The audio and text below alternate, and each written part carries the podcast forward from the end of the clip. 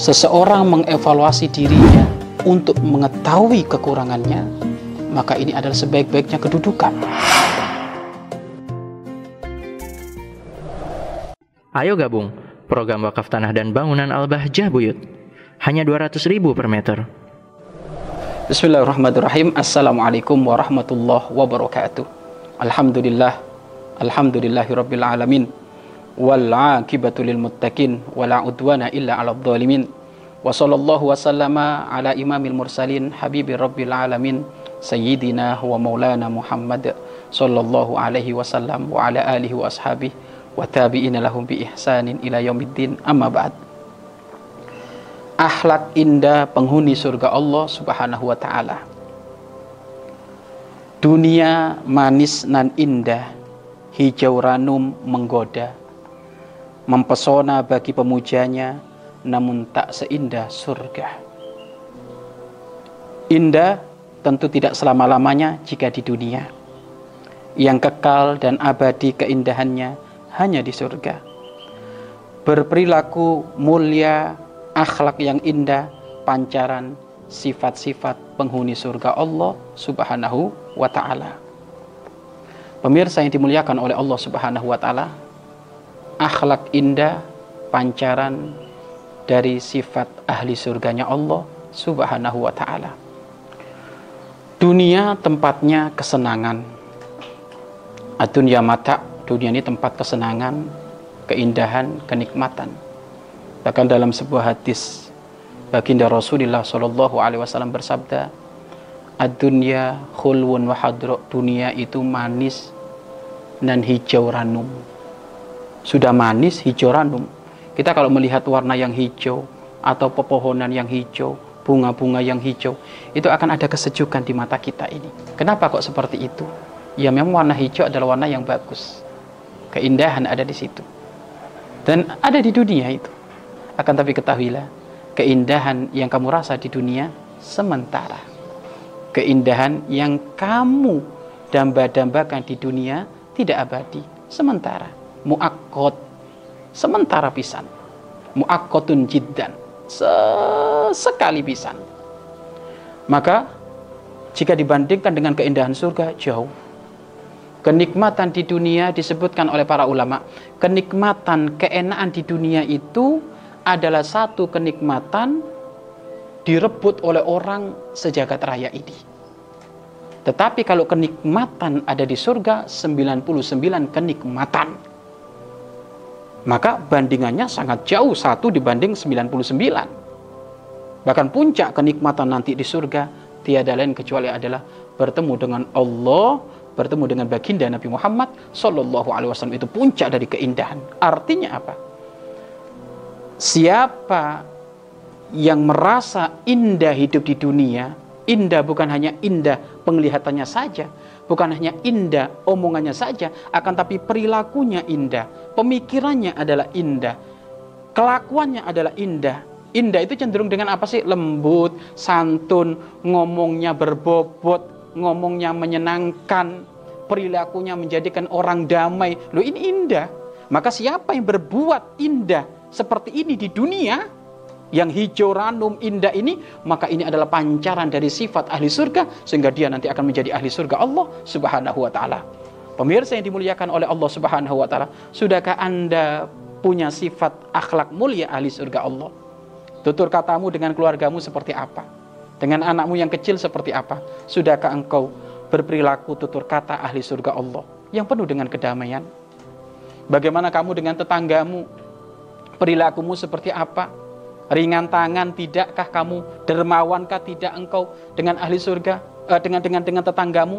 Karena yang dermawan, ringan tangan, yakni suka membantu, ini termasuk adalah pancaran akhlak orang-orang ahli surga. Bagaimana engkau dengan orang yang tidak kenal? Apakah senantiasa nampak di bibirmu senyum kepada siapa pun yang tidak kenal. Karena orang yang memiliki pribadi senyum menjadikan sebab siapa pun yang memandang penuh dengan ketenangan kesejukan itu adalah pancaran sifat ahli surga Allah Subhanahu wa taala. Atau sebaliknya kita dengan anak kita Masya Allah tidak ada kelembutan. Yang ada keras kita dengan tetangga sewena-wena suka dolim dengan siapa pun yang tidak kita kenal, ternyata kita suka menjadikan hati mereka tersinggung. Tidak ada pancaran kelembutan dari dari wajah kita, walaupun hanya secuil senyum. Maka kalau seperti itu berarti dia telah mengarungi dunia yang indah ini dengan perilaku sifat yang jelek. Ujung-ujungnya nanti dia akan menjadi ahli neraka Allah. Ahli neraka Allah itu sifatnya jelek. Keras, angkuh, tidak kenal kelembutan. Suka zolim, menjadikan orang kalau dia berbicara tersinggung. Ini ini adalah akhlaknya ahli neraka ini. Bukankah baginda agung Nabi Muhammad Shallallahu Alaihi Wasallam orang yang berperilaku lembut dengan keluarganya, berperilaku, lembut beliau dengan keluarganya, sehingga Nabi Muhammad Wasallam sering beliau main kuda-kudaan dengan Sayyidina Hasan. Artinya apa? Rasulullah pura-pura menjadi kuda, Sayyidina Hasan naik ada di punggungnya Rasulullah. Sehingga disebutkan oleh para sahabat, sungguh tidak ada sebaik-baiknya orang yang naik kendaraan atau tunggangan kecuali adalah Sayyidina Hasan dan tidak ada sebaik-baiknya tunggangan saat itu kecuali adalah Rasulullah Shallallahu Alaihi Wasallam. Cucunya beliau Nabi Muhammad berada di atas di Hasan naik di punggungnya Rasulullah Shallallahu Alaihi Wasallam. Artinya apa? Beliau begitu lembut dengan keluarga beliau. Nabi Muhammad sangat lembut dengan keluarganya. Akan tapi kalau sudah ada suara adzan, ada suara seruan jihad, seakan-akan beliau tidak kenal keluarga. Artinya apa? Semangat berjihad. Tetapi tetap berperilaku lembut. Bahkan sampai disebutkan Rasulullah Shallallahu Alaihi Wasallam kalau lagi ceramah, kalau ketemu cucunya Sayyidina Hasan Husain itu pinginnya itu turun meluk dulu, kemudian melanjutkan ceramah. Begitu lembut. Ya inilah pancaran sifat ahli surga Allah itu seperti itu. Dengan tetangga bagaimana Nabi Muhammad dengan orang yang tidak kenal bagaimana baginda Rasulullah Shallallahu Alaihi Wasallam. Bahkan ini diikuti, diikuti oleh Sayyidina Umar ibn Khattab radhiyallahu anhu suatu ketika. Siapa yang tidak tahu Sayyidina Umar bin Khattab? Orang yang keras, al faruq bainal haq wal batil. Akan tapi bagaimana kehidupan beliau dengan keluarganya, Sayyidina Umar bin Khattab. Setiap beliau pulang dari kerja, pulang dari dinas dari kantornya, Sayyidina Umar bin Khattab itu sering di saat beliau itu tidur terlentang, tiba-tiba anaknya bermain-main ada di perutnya Sayyidina Umar bin Khattab bergunda bersenda gurau dengan Sayyidina Umar bin Khattab sehingga suatu ketika kedatangan menteri bawahannya Sayyidina Umar bin Khattab maka saat itu menteri tadi kaget melihat Sayyidina Umar bin Khattab bermainan dengan anaknya gulet-guletan gitu. Peluk-pelukan gitu kaget. Umar engkau seperti ini Umar? Iya emangnya ada apa? Bagaimana akhlakmu dengan keluargamu? Saya nggak pernah seperti ini Umar. Saya nggak nggak pernah seperti ini lalu bagaimana? Ya saya kalau datang ya sudah datang capek langsung saya istirahat.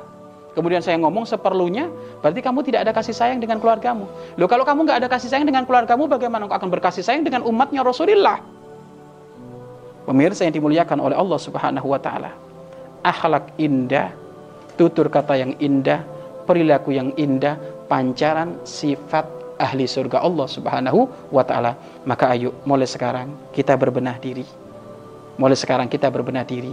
Yang mungkin mukanya suka cemberut, ayo belajar senyum Walaupun punya masalah, masalah hadapi dengan senyum. Yang lagi nggak enak dengan tetangga, ayo belajar kita santun. Tidak perlu kita kita membalas dengan tidak enak juga. Atau mungkin lagi kita lagi difitnah sama orang, maka tidak perlu membalas apa pun. Sabarlah saat itu. Andai kan kalau harus membalas, idfa billatihi ahsan. Balas dengan pembalasan yang baik. Kasih hadiah. Maka ini adalah pancaran sifat ahli surga Allah subhanahu wa ta'ala. Mudah-mudahan kita memiliki sifat ini. Dan jika belum, mudah-mudahan Allah membimbing kita semuanya untuk memiliki akhlak yang mulia. Wallahu a'lam bishawab. Mari berinfak untuk operasional lembaga pengembangan dakwah Bahjah Buyut.